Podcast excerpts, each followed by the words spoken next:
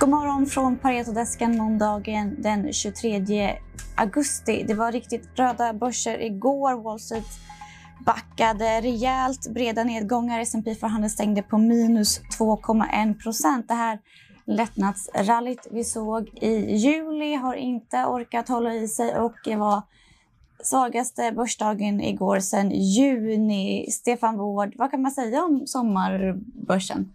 Ja, eh, det var ett överraskande starkt eh, rally sen där mitten av, av juni.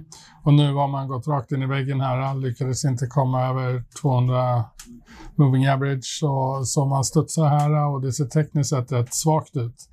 Eh, tar vi en stor eh, aktie som Apple så har ju den eh, gått extremt starkt eh, under de här veckorna och nu så, så börjar det sätta sig och vi såg ganska ordentliga fall i många ledande techaktier igår, vilket är lite jobbigt. Då kommer ju inte marknaden gå högre så att säga.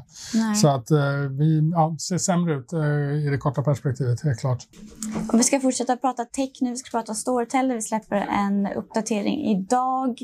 Det är ett bolag som vi har tyckt om länge men som inte utvecklar sig i den riktningen som vi har velat se. Berätta om eh, Storytel, Stefan. Nej, precis. Det har varit en stor besvikelse under senaste åren, tveklöst. Eh, senaste året ska jag säga tveklöst. Och det har gjort att man har fått eh, ändra strategin och det har man gjort på ett eh, handgripligt sätt. Eh, reducerat antal marknader som man ska, ska växa i då, till, till eh, tiotal marknader där man redan är lönsam. Så det här kommer ge ordentliga eh, resultat tror vi. Vi går i dagens update igenom kostnadssidan för Storytel, bara de här eh, besparingarna, hur det kommer utvecklas då framgent och ser att vi kommer få en ordentlig skjuts i ebitda redan under andra halvåret här.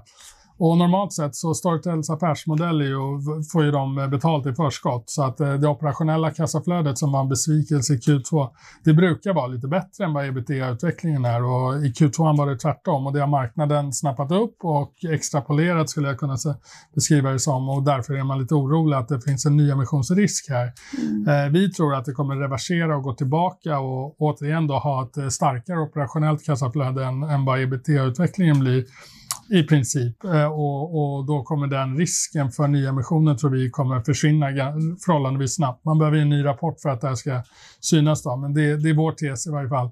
Mm. Eh, och då så kommer man, ja vi tror att med de här besparingarna som man har gjort så kommer man också kunna omförhandla brygglånet i Q1. Så att vi ser ingen eh, särskilt eh, hög risk för att man ska hamna i ett forcerat läge där man behöver ta in nytt kapital, utan det här kommer bolaget kunna lösa på, på egna ben. Och därför borde inte det påverka värderingen. Då. På mm. lite längre sikt så, så ser vi att eh, ljudboksanvändandet utvecklas eh, förhållandevis väl och tror att Storytel kommer vara, ja, fortsätta och, kunna växa och, och göra det under en god lönsamhet. Och det borde ge en betydligt bättre värdering än vad man har i dagsläget. Mm. Men det är mycket som behöver bevisas här och, och det, det, är lite upp till bolaget att leverera på det. Så om de gör det så finns det en ordentlig uppsida i aktien, tveklöst. Mm, för tittar man på värderingen så är ju den utbobbad och även om vi ser en kanske lite tuffare höst för techaktier så är det här ändå ja. ett case man kan plocka upp. Ja, men vi tycker det. Alltså, tuffare höst för techaktier, absolut. Och särskilt med aktier med, med en rik så här, diskontera mycket i framtiden. De, mm. Den typen av aktier kommer, kommer ha det svårt. Så här kollapsade aktier, där får man ju bryta isär och se liksom, vad är det för eh, värdedrivare som finns i Storytel och mm. de har en helt oslagbar eh, katalog med ljudböcker till exempel som finns över ja, nära 40 000 titlar på 30-tal olika språk.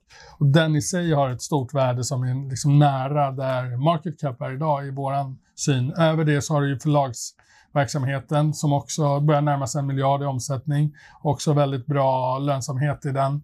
Eh, mm. Plus att man har den här starka marknadspositionen i Norden med över 50% marknadsandel. Och det här är intressant, inte minst ur ett ma perspektiv där vi tror att eh, ljudboken idag är någonstans där eh, streaming, video, musik, strömmad musik där var för 6-8 år sedan, någonting sånt. Så att det finns väldigt mycket tillväxt framåt för här, den här Eh, den här marknadsnischen. Då. Eh, mm. Och där har ju Storytel en bra position så att vi, vi ser ett bra ma case i, i bolaget också. Mm. Vi ska prata lite Securitas också som har kapitalmarknadsdag snart. Mm, kapitalmarknadsdag imorgon. Mm. Och det är värt att hålla ögonen på. Man kommer få nya financial targets. Eh, och vi kommer få ännu mer detaljer kring förvärvet som man har gjort i Stanley. Securitas hade ju en Stanley Security som man köpte då. Man annonserade det förvärvet i slutet av förra året och samtidigt sa man att man kommer göra nya emissioner. Den här nya emissionen har vi inte fått villkor på. Eh, och de, de villkoren kommer efter kapitalmarknadsdagen någon gång i början av september. Så det här är liksom, CMD kommer ge oss ny information om förvärvet och eh, liksom understryka den här starka operationella utvecklingen vi såg i Q2. Vi kommer få nya financial targets och sen ovanpå det så kommer vi få villkoren för nya emissioner någon gång i början av september. Och det här tillsammans tror vi kommer vara gynnsamt för aktien. Så det är också en aktie som man kan handla i en svagare börs. Den är ju mm. väldigt pressad redan, fundamentalt sett lågt värderad.